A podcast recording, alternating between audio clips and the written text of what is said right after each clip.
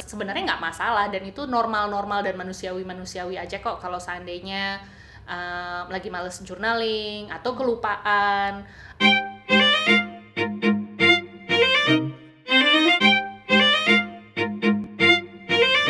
Ketika kita journaling tuh apa sih yang kita journaling karena kan hidup kita tuh banyak banget ya. Kita bisa journaling misalnya hari ini makan apa, kita bisa journaling hari ini ngerasain apa, kita bisa journaling rencana pagi-pagi bikin rencana terus kita centrang-centrang mana yang kejadian apa enggak um, itu kalian menentukannya gimana? Itu menurutku balik ke why tadi makanya aku nanya hmm. kenapa kamu mau journalingnya. Hmm. Kalau aku uh, journaling yang rutin karena aku gunain WJ Journal ya tapi nanti ini bisa kita bahas. Jadi aku ngisi tuh indikator daily indicator uh, daily well-being indicator. Jadi water intakeku berapa hal hal-hal basic yang yang aku yakin itu penting untuk di uh, penuhi ya. Water intake berapa gimana waktu tidurku uh, dan karena aku sangat aware dengan hubunganku dengan orang-orang di sekitar aku ingin tahu how do I feel uh, hmm. about my social life uh, dan ada beberapa hal lainnya itu rutin. Selain itu uh, tambahannya ya tergantung kebutuhan. Ada yang aku nge-track um, berapa apa namanya um, yang paling yang terakhir aku cerita ke Yasmin tuh aku berapa berapa berapa lama sih aku hidup tanpa mengkonsumsi obat? Ini bukan aku tukang obat ya yeah. tapi say no to drugs. Yeah. jadi kacau. Kasih banget. Loh, tapi maksudnya aku pingin berusaha untuk hidup tanpa uh, ada dependensi dengan obat. Jadi aku pingin ngetrack tuh kalau misalnya aku pusing berapa seberapa hmm. mudah sih aku untuk mengonsumsi obat jadi aku tahu tuh oh ternyata aku bisa loh minum obat tanpa minum obat selama sekian bulan gitu hmm. atau uh, yang mau aku track juga terakhir ya karena misalnya lagi ada um, under stress jadi aku pingin tahu dari 1 sampai 6 itu sebenarnya seberapa seberapa stressful sih menurutku hari-hariku dan bagaimana aku mengendalikannya jadi tergantung apa yang mau aku track sih dan tergantung hmm. apa yang mau aku uh, observasi. Hmm. Menurutku tuh beda-beda ya. Kalau putih gimana? Kalau aku map, kalau aku malah enggak enggak selama ini aku enggak mungkin waktu dulu iya, tapi sekarang aku enggak ngetrack emosi aku sih. Jadi aku lebih ke menggunakan ini untuk ke pekerjaan karena kan aku sekarang freelance dan pekerjaan aku itu sungguh random jadi kadang kerjaannya nulis kadang kerjaannya harus pergi ke suatu acara ngeliput kadang kerjaannya itu gambar yang benar-benar harus semedi di rumah hmm. gitu jadi um, sangat random dan uh, ketika aku ngetrack pekerjaan-pekerjaanku itu sangat menjadi dasar uh, pertimbangan uh, untuk ke depannya. Jadi mungkin waktu di awal-awal aku kerja freelance itu uh, yang namanya kerjaan ilustrasi kan ada bentuk jenis project yang macam-macam, kesulitannya macam-macam. Uh, nah dari situ aku bisa ketika aku ngetrack, oh ya uh, bulan ini aku ngerjain apa aja, to do listku apa aja, aku catat dengan rapi di jurnalku. Dengan di awal aku tulis, oh uh, bayanganku tahun ini aku akan pengen punya berapa project gambar, aku akan bikin berapa banyak tulisan, aku ingin pengembangan diriku dengan membaca itu seberapa banyak. Nah, tapi along the way kan aku nulis oh ternyata uh, aku bulan ini punya project apa aja terselesaikan atau enggak apa yang rumit apa yang ternyata molor dari uh, perkiraanku gitu nah itu ketika di akhir aku evaluasi aku dapat banyak banget yang kalau tadi Nadia bilang data uh, dan itu akan jadi pertimbanganku oh tahun depan kayaknya aku harus take account bahwa bisa aja project seperti ini tuh molor atau bisa aja uh, project yang seperti ini tuh uh, sangat sibuk sekali sampai-sampai aku uh, harus compensate sama keluarga aku di weekend gitu. Itu hal-hal yang uh, aku tulis dengan rapi di jurnal, aku evaluasi dan uh, aku sangat mencatat sih gitu apa aja yang um, karya karya dan pekerjaan sih lebih ke gitu. Hmm. aku jadi pengen masuk bagian how to journal nih kayaknya. Nih kon ini mau langsung nih apa nggak? Apa potong um, aku tadi tertarik kamu bilang kamu ngetrack bagaimana kamu melakukan pekerjaanmu. Hmm. Kayak gimana sih maksudnya uh, how can you track I mean kayak uh, apakah kamu nge-track oh hari Sabtu Minggu nih aku masih ngerjain ini sekian jam atau gimana? Oh iya, biasanya kayak gitu. Jadi eh, yang pasti di awal di aku punya yang kayak eh, monthly apa formatnya monthly planner gitu di situ di depan aku akan nulis oh bulan itu aku punya project apa aja jadi misalnya project sama brand A brand B terus udah gitu eh, apa namanya projectnya itu bentuknya apa aja lalu aku harus misalnya eh, apa namanya bikin konten kontennya apa aja biasanya aku tulis di depan. Nah em, lalu di bagian yang kayak monthly kotak-kotak itu yaitu aku uh, setiap hari aku selalu bikin pagi-pagi uh, hari ini apa aja nih yang harus aku kerjain Eh, nanti kalau misalnya berhasil aku centang kalau misalnya nggak berhasil besoknya aku tulis lagi.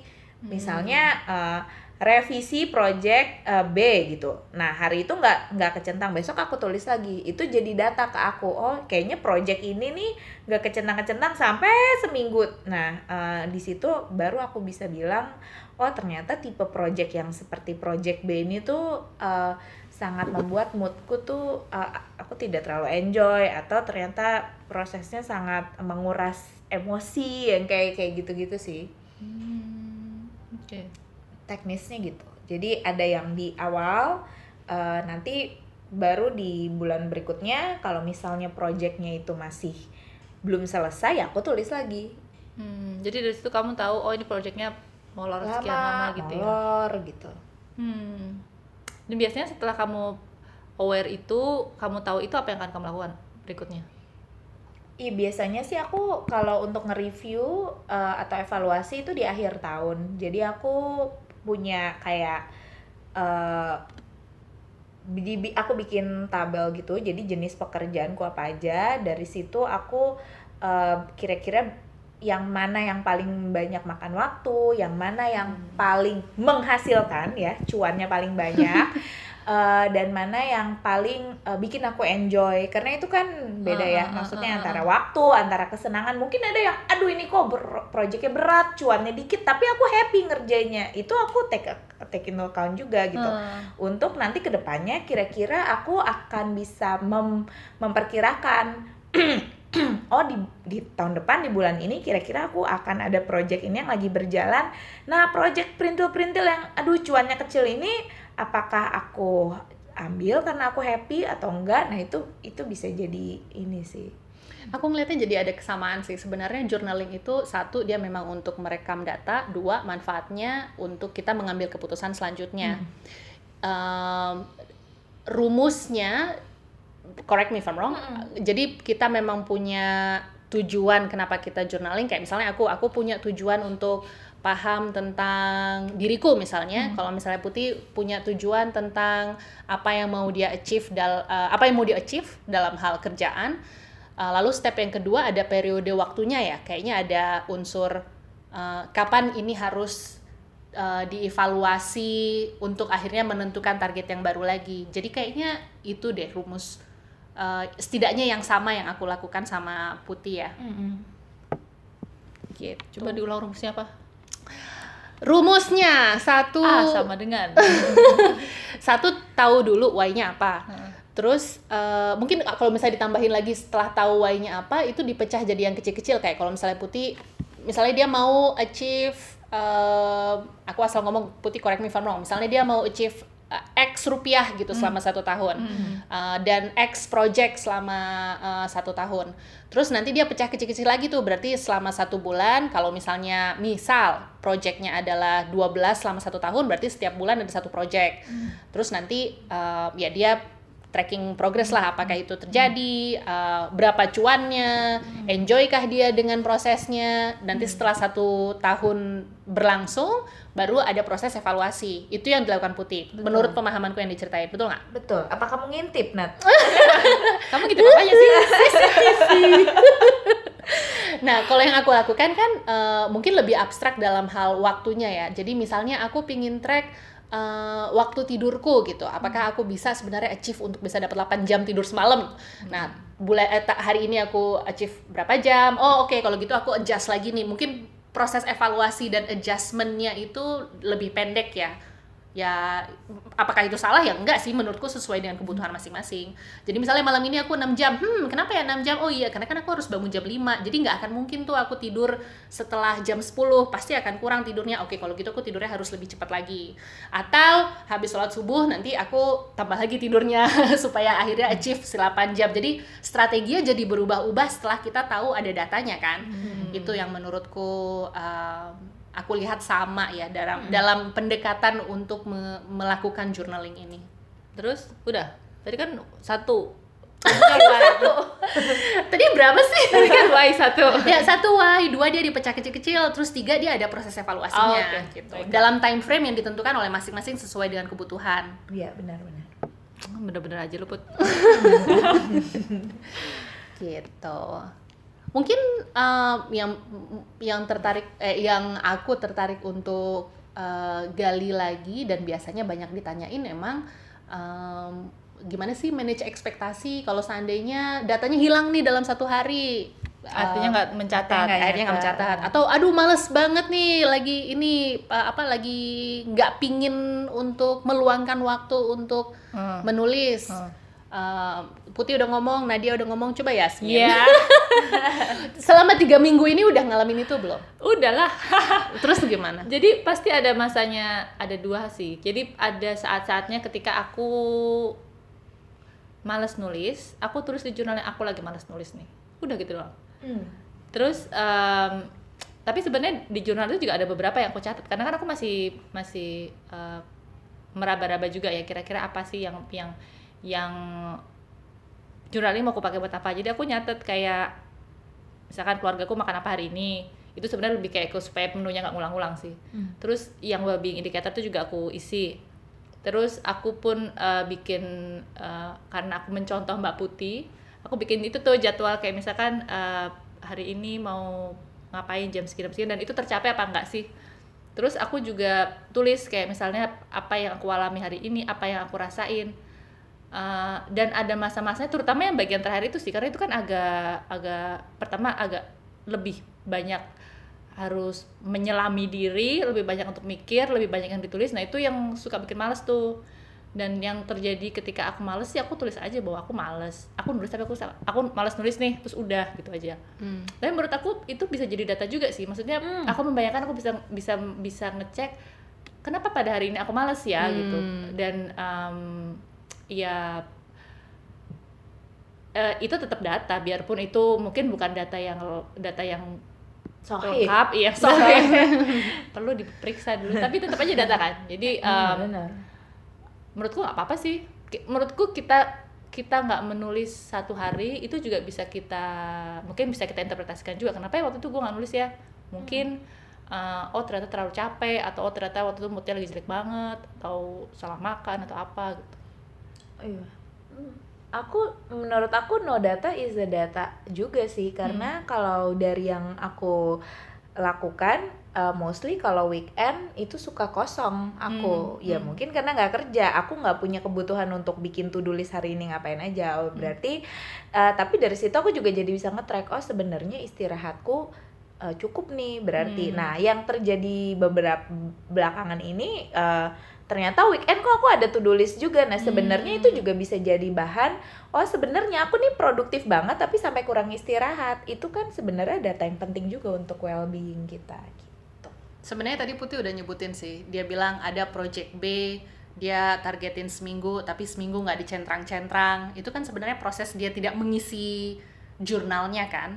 Uh, yang aku sepakat dengan kesimpulan no data is data juga bahwa hmm mungkin itu bisa ada apa namanya informasi layernya lagi oh ya kayak dia bilang ternyata project ini uh, draining nih hmm. terlalu emotionally triggering atau apalah gue hmm. asal asal bikin uh, phrase aja tapi intinya itu sebenarnya area yang dia bisa explore lagi untuk tahu kenapa kok hari itu males mungkin itu salah satu apa ya um, cara untuk manage ekspektasi ketika kita lagi males. Sebenarnya nggak masalah dan itu normal-normal dan manusiawi-manusiawi aja kok. Kalau seandainya um, lagi males journaling atau kelupaan um, dan dihadapinnya ya layaknya you know slip aja. Jadi kalau misalnya kita kelupaan atau kita lagi malas Hmm. menurutku aku suka approach tadi dan belum pernah aku kerjain sebenarnya kalau misalnya lagi malas aku lagi malas Hmm. ditulis aja kayak gitu I don't think it's a bad idea ya Itu Justru dari aku gue idenya ya. iya dari Queen of newbie. eh iya sih, tapi aku juga eh, tertarik dengan eh, beberapa kali aku bikin kelas journaling, even sebelum aku kolaborasi sama uh, Wangsa Jelita. Orang itu suka menganggap ketika aku bilang, oke kita bikin yuk kelas journaling itu di bayangannya adalah menghias atau meng, kayak menggambar atau doodling atau kayak yang uh, bikin supaya jadi cantik dan bisa difoto gitu. Uh, Sebenarnya uh, mungkin kita bisa sepakat bahwa nggak ada nggak ada satu format uh, journaling tertentu yang uh, paling benar karena semua kan balik ke orang masing-masing ya. Tapi aku merasa bahwa sebenarnya kalau yang orang-orang punya ekspektasi jurnal itu harus dibikin secantik mungkin eh, apa Penuh namanya semuanya. penuh terus pakai warna-warni kadang-kadang kalau kita nggak terbiasa malah itu yang bikin kita ya hari ini kosong jadi jelek deh besok-besok kita jadi nggak semangat lagi Hmm. jadi itu tadi hubungannya dengan eh, gimana kita memanage ekspektasi ketika kita bikin jurnal itu yang penting kan esensinya esensi untuk merekam data. Eh, sebenarnya kalau kita merasa itu harus cantik atau kita merasa itu harus bisa difoto malah menurut aku akhirnya esensi dari journaling sendiri itu malah bisa nggak kesampaian. Ya kalau misalnya ada yang bisa bagus rapi ya nggak apa-apa. Tapi kalau misalnya enggak ya udah nggak usah don't be too hard on yourself harus full harus warna-warni harus cantik itu sih Hmm, aku jadi ini nyambung sama dan ini kemarin sempat kita bahas nggak ya? Aku lupa di pas di kelas. Um, ini uh, nyambung sama self acceptance nggak sih bahwa bahwa kita itu um, yang kita alami yang kita rasakan itu nggak selalu sesuai dengan apa yang kita ekspektasi. Misalnya ekspektasiku adalah aku akan nulis jurnal setiap hari aku tuliskan semuanya eh, di jurnal satu lembar gitu. Terus ternyata ada hari-hari di mana aku aduh aku tuh males meng males nulisnya kek males eh, mengeksplor emosinya kek males mikirinnya. Nah itu em, memang sesuatu yang aku alami dan memang harus aku apa ya bukan berarti dibiasakan sih cuman ya udah itu it's it's okay untuk kayak gitu kan. Jadi em, menurutku juga salah satu salah satu dampaknya journaling adalah kita lebih ini sih kita lebih menerima diri kita apa adanya jadi jadi lebih jujur lah bahwa oh aku tuh Hmm. ternyata memang orangnya memang aku punya kecenderungan seperti ini aku punya tendensi ketika ada seperti ini aku akan melakukan hal ini dan itu menurut aku adalah sebuah langkah awal yang sangat bagus buat kita yang mau progressing karena kalau kita nggak tahu Hmm. kitanya seperti apa kan iya. Gimana kita bisa tahu kita mau melangkah ke mana? Setuju sih, karena kadang-kadang menurut aku dari banyak hal orang tuh uh, banyak ketika kita yang namanya kita mau membangun sebuah habit atau kita mau progres menjadi lebih baik biasanya itu yang trik itu adalah konsistensi. Dan Mm-mm. menurut aku journaling itu adalah salah satu bentuk kita bisa mengenali seberapa konsisten kita dalam melakukan sesuatu gitu. Itu sih kalau Hmm. menurut aku.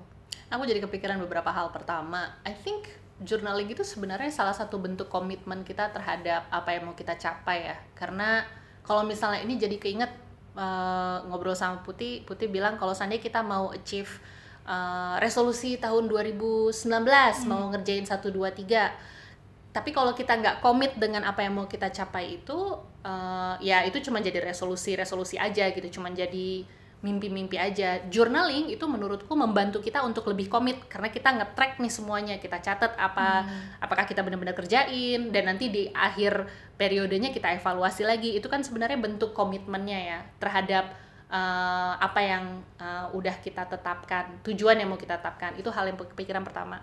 Yang kedua aku pikir perlu dibedain ya eh, bahwa tujuannya itu bukan journaling. Journaling itu sebenarnya caranya tujuannya itu ya benefit yang ingin didapat itu mengambil keputusan lebih baik mengenal diri sendiri mencapai apa yang mau kita eh, capai itu adalah tujuannya. Tapi journaling itu prosesnya sama seperti kayak aku pingin ke Padang nih itu tujuannya. Lewatnya mau naik pesawat kayak mau naik mobil kayak itu tuh caranya. Kita nggak attach sama caranya tapi ya kita paham kalau seandainya itu nggak dikerjain ya kita nggak akan sampai sana gitu. Jadi em, ini kenapa aku kepikiran ini tadi keinget yang omongan iya ada orang yang em, merasa kalau journaling itu harus penuh semua warna-warni ada gambarnya eh, kalau misalnya dilihat cantik em, kayaknya kita attach dengan caranya deh. Bukan caranya tapi em, benefit yang mau kita benefitnya gitu. Jadi ya caranya jangan dibuat susah lah gitu. Caranya Hmm. juga kan em, bukan itu yang yang mau dicapai sebenarnya gitu. The goal is not to journal. The goal itu benefit dari journalingnya. Hmm. Aku jadi inget kemarin pas di kelas putih bilang eh, tips journaling untuk newbie adalah jangan terlalu ambisius ya. Mm-mm.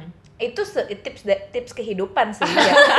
Semua adalah put tips hidupmu apa? Oh jangan terlalu ambisius aja gitu. eh bentar, define ambisius maksudnya apa Enggak sih. Jadi eh, ambisius tuh sebenarnya eh, itu tadi kalau aku eh, merasa eh, definisi ketika aku bilang ambisius dalam journaling jangan terlalu ambisius itu adalah jangan terlalu kepengen perfect. Karena kan em, ini aku juga ngerasain karena kadang-kadang kalau misalnya kita ngelihat di satu halaman kok udah di hari Senin, Selasa, Rabu tuh kayak bagus, tapi kok aduh Kamisnya tuh jelek tulisannya atau ada tipekannya atau apanya. Itu sebenarnya bisa aja mempengaruhi uh, mood kalau kita yang kita yang kita pengen achieve itu adalah perfection ya kan. Ya, tapi kan yang namanya kita bahkan kita bikin rencana aja bisa aja uh, ganti hari, reschedule ya pasti kan ada tipekan-tipekan atau misalnya mungkin ada hari yang yang tadi kita udah omongin uh, harinya bolong nggak kita isi itu kan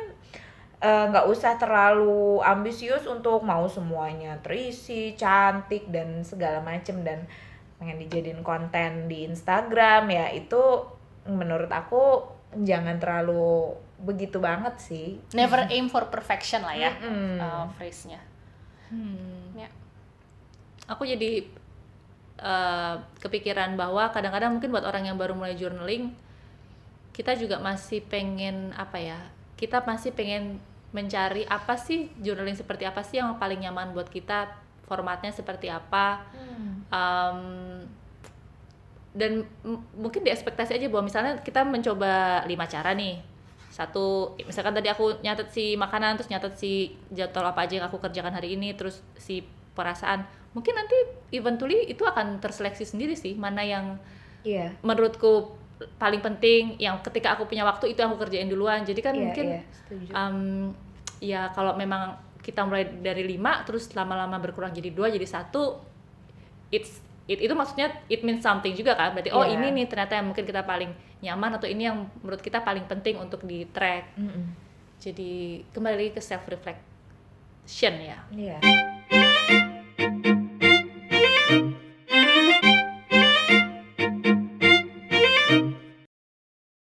Sebenarnya nggak masalah dan itu normal-normal dan manusiawi-manusiawi aja kok. Kalau seandainya uh, lagi males journaling atau kelupaan.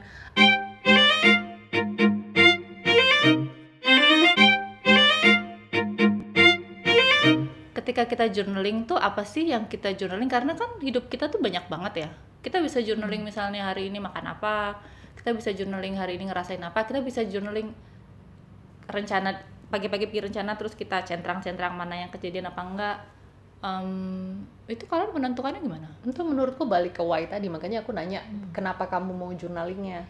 Kalau aku eh, journaling yang rutin karena aku gunain WJ Journal ya tapi nanti ini bisa kita bahas. Jadi aku ngisi tuh indikator daily indicator uh, daily well-being indicator. Jadi water intakeku berapa uh, hal-hal basic yang yang aku yakin itu penting untuk dipenuhi ya water intake berapa gimana waktu tidurku uh, dan karena aku sangat aware dengan hubunganku dengan orang-orang di sekitar aku ingin tahu how do I feel uh, about my social life Um, dan ada beberapa hal lainnya itu rutin. Selain itu uh, tambahannya ya tergantung kebutuhan. Ada yang aku nge-track um, berapa apa namanya um, yang paling yang terakhir aku cerita ke Yasmin tuh aku berapa berapa berapa lama sih aku hidup tanpa mengkonsumsi obat ini bukan aku tukang obat ya tapi Say no to Iya. drugs. jadi kacau Makasih banget. Loh, tapi maksudnya aku pingin berusaha untuk hidup tanpa eh, ada dependensi dengan obat jadi aku pingin nge-track tuh kalau misalnya aku pusing berapa seberapa mudah sih aku untuk mengonsumsi obat? Jadi aku tahu tuh oh ternyata aku bisa loh minum obat tanpa minum obat selama sekian bulan gitu. Atau eh, yang mau aku track juga terakhir ya karena misalnya lagi ada em, under stress jadi aku pingin tahu dari 1 sampai 6 itu sebenarnya seberapa seberapa stressful sih menurutku hari-hariku dan bagaimana aku mengendalikannya. Jadi tergantung apa yang mau aku track sih dan tergantung apa yang mau aku eh, observasi Hmm. menurutku tuh beda-beda ya kalau putih gimana Kalau aku me- kalau aku malah enggak enggak selama ini aku enggak mungkin waktu dulu iya, tapi sekarang aku enggak nge-track emosi aku sih. Jadi aku lebih ke menggunakan ini untuk ke pekerjaan karena kan aku sekarang freelance dan pekerjaan aku itu sungguh random. Jadi kadang kerjaannya nulis, kadang kerjaannya harus pergi ke suatu acara, ngeliput, kadang kerjaannya itu gambar yang benar-benar harus semedi di rumah gitu. Jadi em, sangat random dan uh, ketika aku nge-track pekerjaan-pekerjaanku itu sangat menjadi dasar uh, pertimbangan uh, untuk ke depannya. Jadi mungkin waktu di awal-awal aku kerja freelance itu uh, yang namanya kerjaan ilustrasi kan ada bentuk jenis project yang macam-macam, kesulitannya macam-macam. Uh, nah dari situ aku bisa ketika aku nge-track, oh ya uh, bulan ini aku ngerjain apa aja, to-do listku apa aja, aku catat dengan rapi di jurnalku. Dengan di awal aku tulis, oh uh, bayanganku tahun ini aku akan pengen punya berapa project gambar, aku akan bikin berapa banyak tulisan, aku ingin pengembangan diriku dengan membaca itu seberapa banyak. Nah, tapi along the way kan aku nulis, oh ternyata uh, aku bulan ini punya project apa aja, terselesaikan atau enggak, apa yang rumit, apa yang ternyata molor dari uh, perkiraanku gitu. Nah, itu ketika di akhir aku evaluasi aku dapat banyak banget yang kalau tadi Nadia bilang data. Eh, dan itu akan jadi pertimbanganku oh tahun depan kayaknya aku harus take account bahwa bisa aja project seperti ini tuh molor atau bisa aja eh, project yang seperti ini tuh eh, sangat sibuk sekali sampai-sampai aku eh, harus compensate sama keluarga aku di weekend gitu. Itu hal-hal yang eh, aku tulis dengan rapi di jurnal aku evaluasi dan eh, aku sangat mencatat sih gitu apa aja yang em, karya karya dan pekerjaan sih lebih ke gitu hmm. Aku jadi pengen masuk ke bagian how to journal nih kayaknya. nih Gon Ini mau langsung nih apa nggak? Nih, Aku nih. potong. Em, aku tadi tertarik kamu bilang kamu nge-track bagaimana kamu melakukan pekerjaanmu. Kayak gimana sih maksudnya? uh, How can you track? I mean kayak uh, apakah kamu nge-track oh hari Sabtu Minggu nih aku masih ngerjain ini sekian jam atau gimana? Oh iya, biasanya kayak gitu. Jadi eh yang pasti di awal di aku punya yang kayak eh, monthly apa formatnya monthly planner gitu di situ di depan aku akan nulis oh bulan itu aku punya project apa aja jadi misalnya project sama brand A brand B terus udah gitu eh, apa namanya projectnya itu bentuknya apa aja lalu aku harus misalnya eh, apa namanya bikin konten kontennya apa aja bisa aku tulis di depan. Nah em, lalu di bagian yang kayak monthly kotak-kotak itu ya itu aku eh, setiap hari aku selalu bikin pagi-pagi eh, hari ini apa aja nih yang harus aku kerjain Eh, nanti kalau misalnya berhasil aku centang kalau misalnya nggak berhasil besoknya aku tulis lagi. Misalnya eh, revisi project eh, B gitu. Nah hari itu nggak nggak kecentang besok aku tulis lagi. Itu jadi data ke aku. Oh kayaknya project ini nih nggak kecentang-kecentang sampai seminggu. Nah eh, di situ baru aku bisa bilang oh ternyata tipe project yang seperti project B ini tuh eh, sangat membuat moodku tuh eh, aku tidak terlalu enjoy atau ternyata prosesnya sangat menguras emosi yang kayak kayak gitu-gitu sih Oke. teknisnya gitu. Jadi ada yang di awal, eh, nanti baru di bulan berikutnya kalau misalnya projectnya itu masih belum selesai, ya aku tulis lagi. Hmm, jadi dari situ kamu tahu oh ini proyeknya molor sekian lama gitu ya. molor gitu. Hmm. Dan biasanya setelah kamu aware itu, kamu tahu itu apa yang akan kamu lakukan berikutnya? Iya biasanya sih aku kalau untuk nge-review eh, atau evaluasi itu di akhir tahun. Jadi aku punya kayak bi- aku bikin tabel gitu. Jadi jenis pekerjaanku apa aja. Dari situ aku eh, kira-kira yang mana yang paling banyak makan waktu, yang mana yang paling menghasilkan ya, cuannya paling banyak. eh, dan mana yang paling eh, bikin aku enjoy. Karena itu kan beda Ah, ya ah, ah, maksudnya ah, ah, antara waktu antara kesenangan. Mungkin ada yang aduh ini kok ber- proyeknya berat cuannya dikit tapi aku happy ngerjainnya. Itu aku take take into account juga gitu. Hmm. untuk nanti ke depannya kira-kira aku akan bisa mem- memperkirakan oh di di tahun depan di bulan ini kira-kira aku akan ada project ini yang lagi berjalan.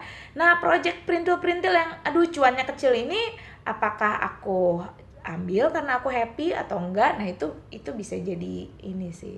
Aku ngelihatnya jadi ada kesamaan sih. Sebenarnya journaling itu satu dia memang untuk merekam data, dua manfaatnya untuk kita mengambil keputusan selanjutnya. Em, rumusnya, correct me if I'm wrong.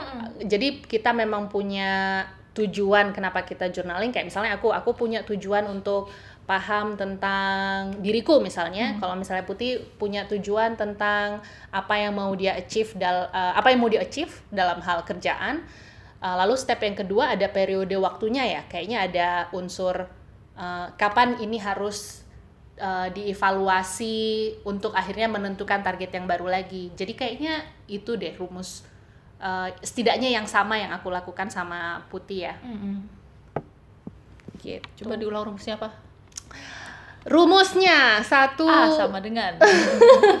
satu tahu dulu why-nya apa. Heeh. Terus eh, mungkin kalau misalnya ditambahin lagi setelah tahu why-nya apa itu dipecah jadi yang kecil-kecil kayak kalau misalnya Putih misalnya dia mau achieve eh, aku asal ngomong Putih correct me if I'm wrong. Misalnya dia mau achieve eh, X rupiah gitu selama satu tahun Eh, dan X project selama eh, satu tahun. Terus nanti dia pecah kecil-kecil lagi tuh berarti selama satu bulan kalau misalnya misal projectnya adalah 12 selama satu tahun berarti setiap bulan ada satu project. Terus nanti eh, ya dia tracking progress lah apakah itu terjadi eh, berapa cuannya enjoykah dia dengan prosesnya. Nanti setelah satu tahun berlangsung baru ada proses evaluasi. Itu yang dilakukan putih menurut pemahamanku yang diceritain. Betul nggak? Betul. Apa kamu ngintip Nat? Kamu gitu apanya sih? Nah, kalau yang aku lakukan kan eh, mungkin lebih abstrak dalam hal waktunya ya. Jadi misalnya aku pingin track eh, waktu tidurku gitu. Apakah aku bisa sebenarnya achieve untuk bisa dapat 8 jam tidur semalam? Nah, bulan eh, hari ini aku achieve berapa jam? Oh, oke kalau gitu aku adjust lagi nih. Mungkin proses evaluasi dan adjustmentnya itu lebih pendek ya. Ya, apakah itu salah ya? Enggak sih, menurutku sesuai dengan kebutuhan masing-masing. Jadi misalnya malam ini aku 6 jam, hmm kenapa ya 6 jam? Oh iya, karena kan aku harus bangun jam 5, jadi nggak akan mungkin tuh aku tidur setelah jam 10, pasti akan kurang tidurnya. Oke, kalau gitu aku tidurnya harus lebih cepat lagi.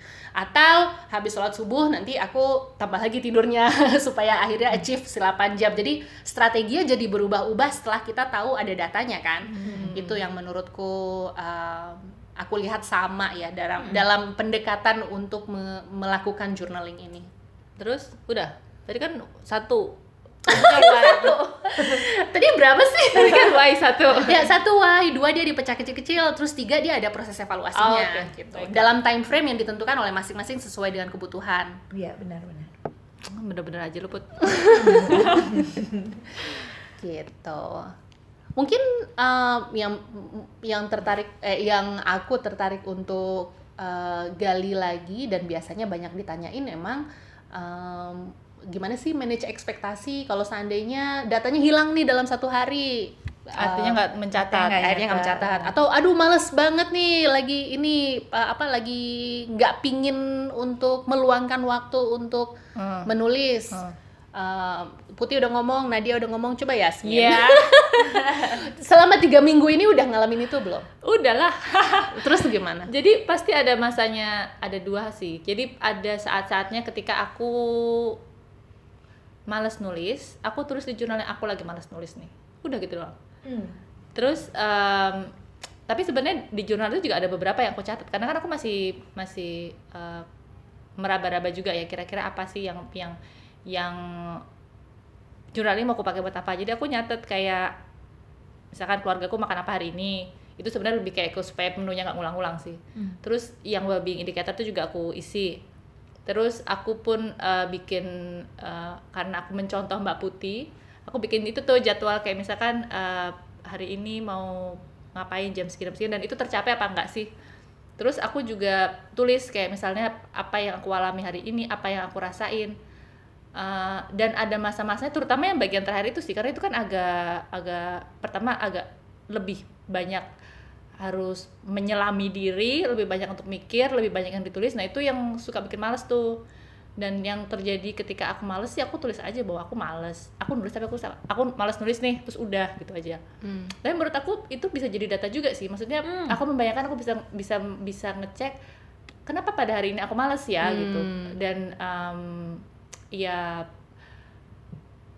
eh, itu tetap data biarpun itu mungkin bukan data yang data yang Sahih. lengkap iya perlu diperiksa dulu tapi tetap aja data kan. Jadi Hmm, em, benar. menurutku nggak apa-apa sih. Menurutku kita kita nggak menulis satu hari itu juga bisa kita mungkin bisa kita interpretasikan juga. Kenapa ya waktu itu gue nggak nulis ya? Mungkin eh, oh ternyata terlalu capek atau oh ternyata waktu itu moodnya lagi jelek banget atau salah makan atau apa gitu Iya.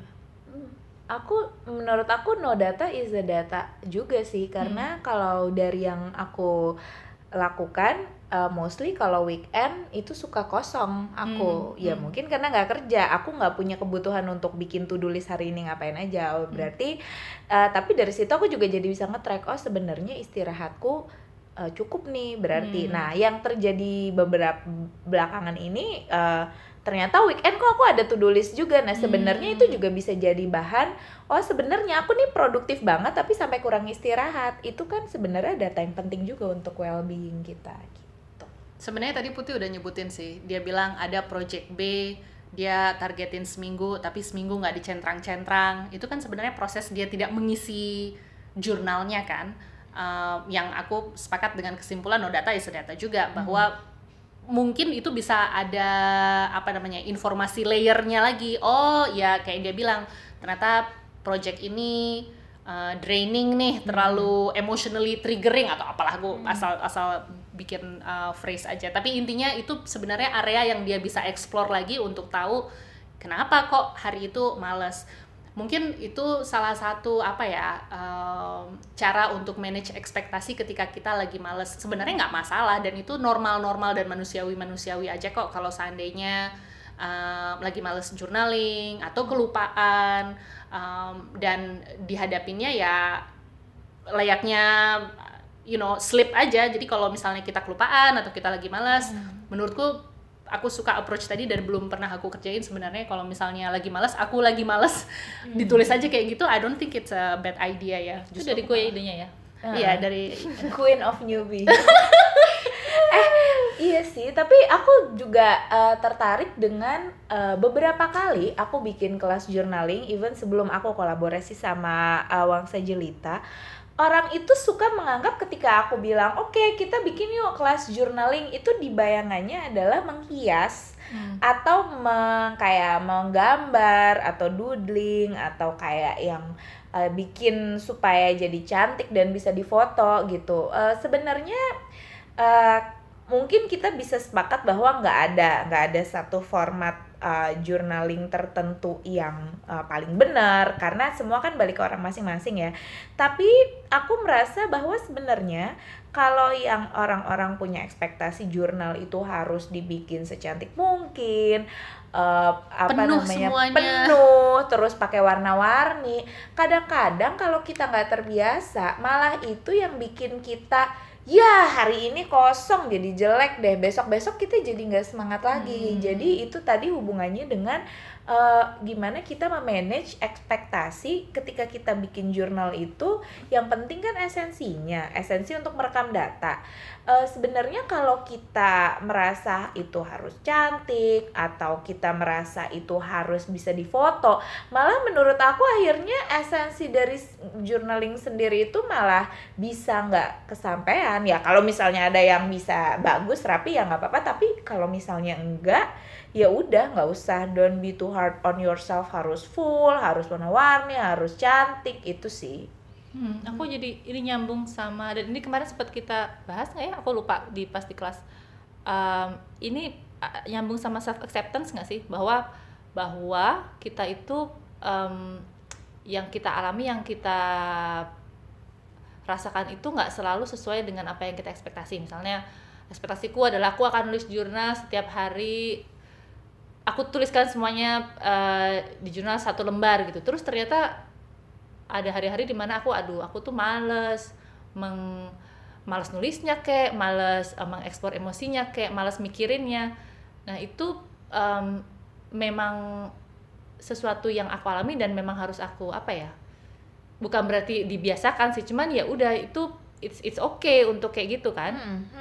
Jadi em, menurutku juga salah satu salah satu dampaknya journaling adalah kita lebih ini sih kita lebih menerima diri kita apa adanya. Jadi jadi lebih jujur lah bahwa oh aku tuh ternyata memang orangnya memang aku punya kecenderungan seperti ini aku punya tendensi ketika ada seperti ini aku akan melakukan hal ini. Dan itu menurut aku adalah sebuah langkah awal yang sangat bagus buat kita yang mau progressing. Karena kalau kita nggak tahu kitanya seperti apa kan iya. Gimana kita bisa tahu kita mau melangkah ke mana? Setuju sih, karena kadang-kadang menurut aku dari banyak hal orang tuh uh, banyak ketika kita yang namanya kita mau membangun sebuah habit atau kita mau progres menjadi lebih baik biasanya itu yang trik itu adalah konsistensi. Dan menurut aku journaling itu adalah salah satu bentuk kita bisa mengenali seberapa konsisten kita dalam melakukan sesuatu gitu.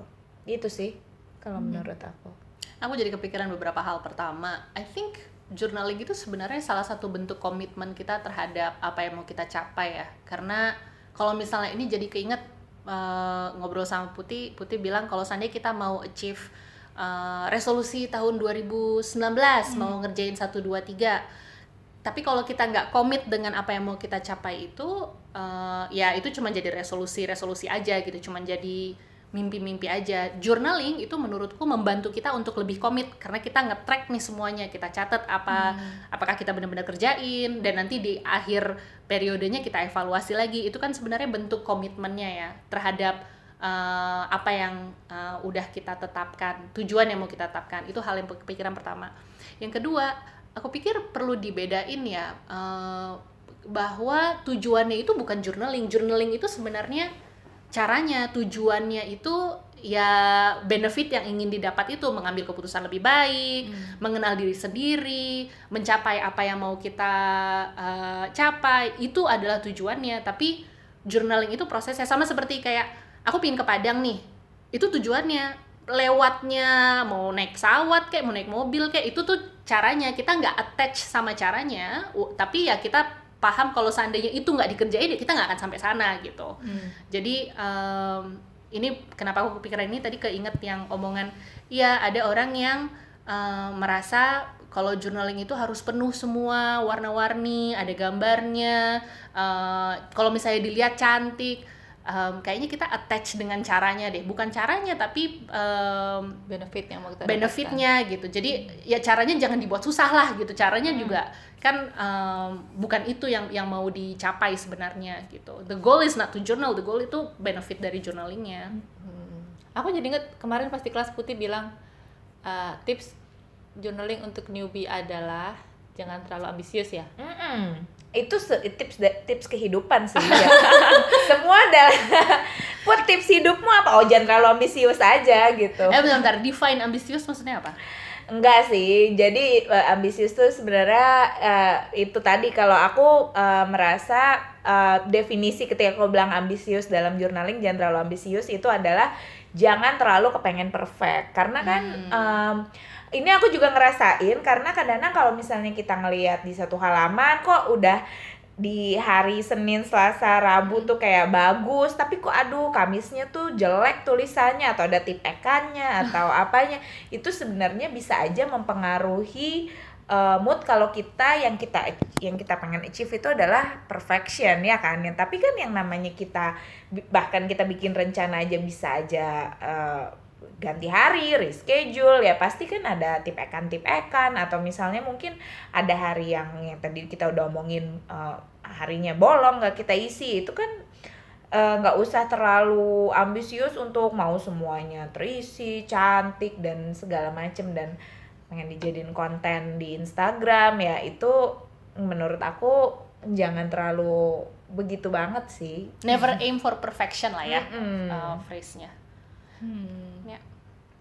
Aku jadi uh, kepikiran bahwa kadang-kadang mungkin buat orang yang baru mulai journaling, kita juga masih pengen apa ya? Kita masih pengen mencari apa sih journaling seperti apa sih yang paling nyaman buat kita, formatnya seperti apa.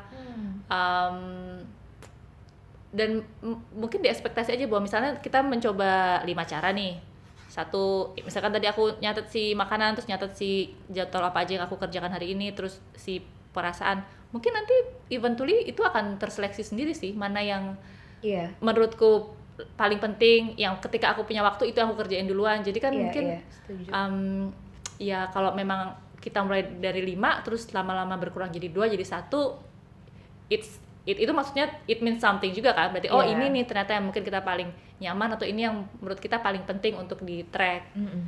jadi kembali lagi ke self reflection ya Iya. Música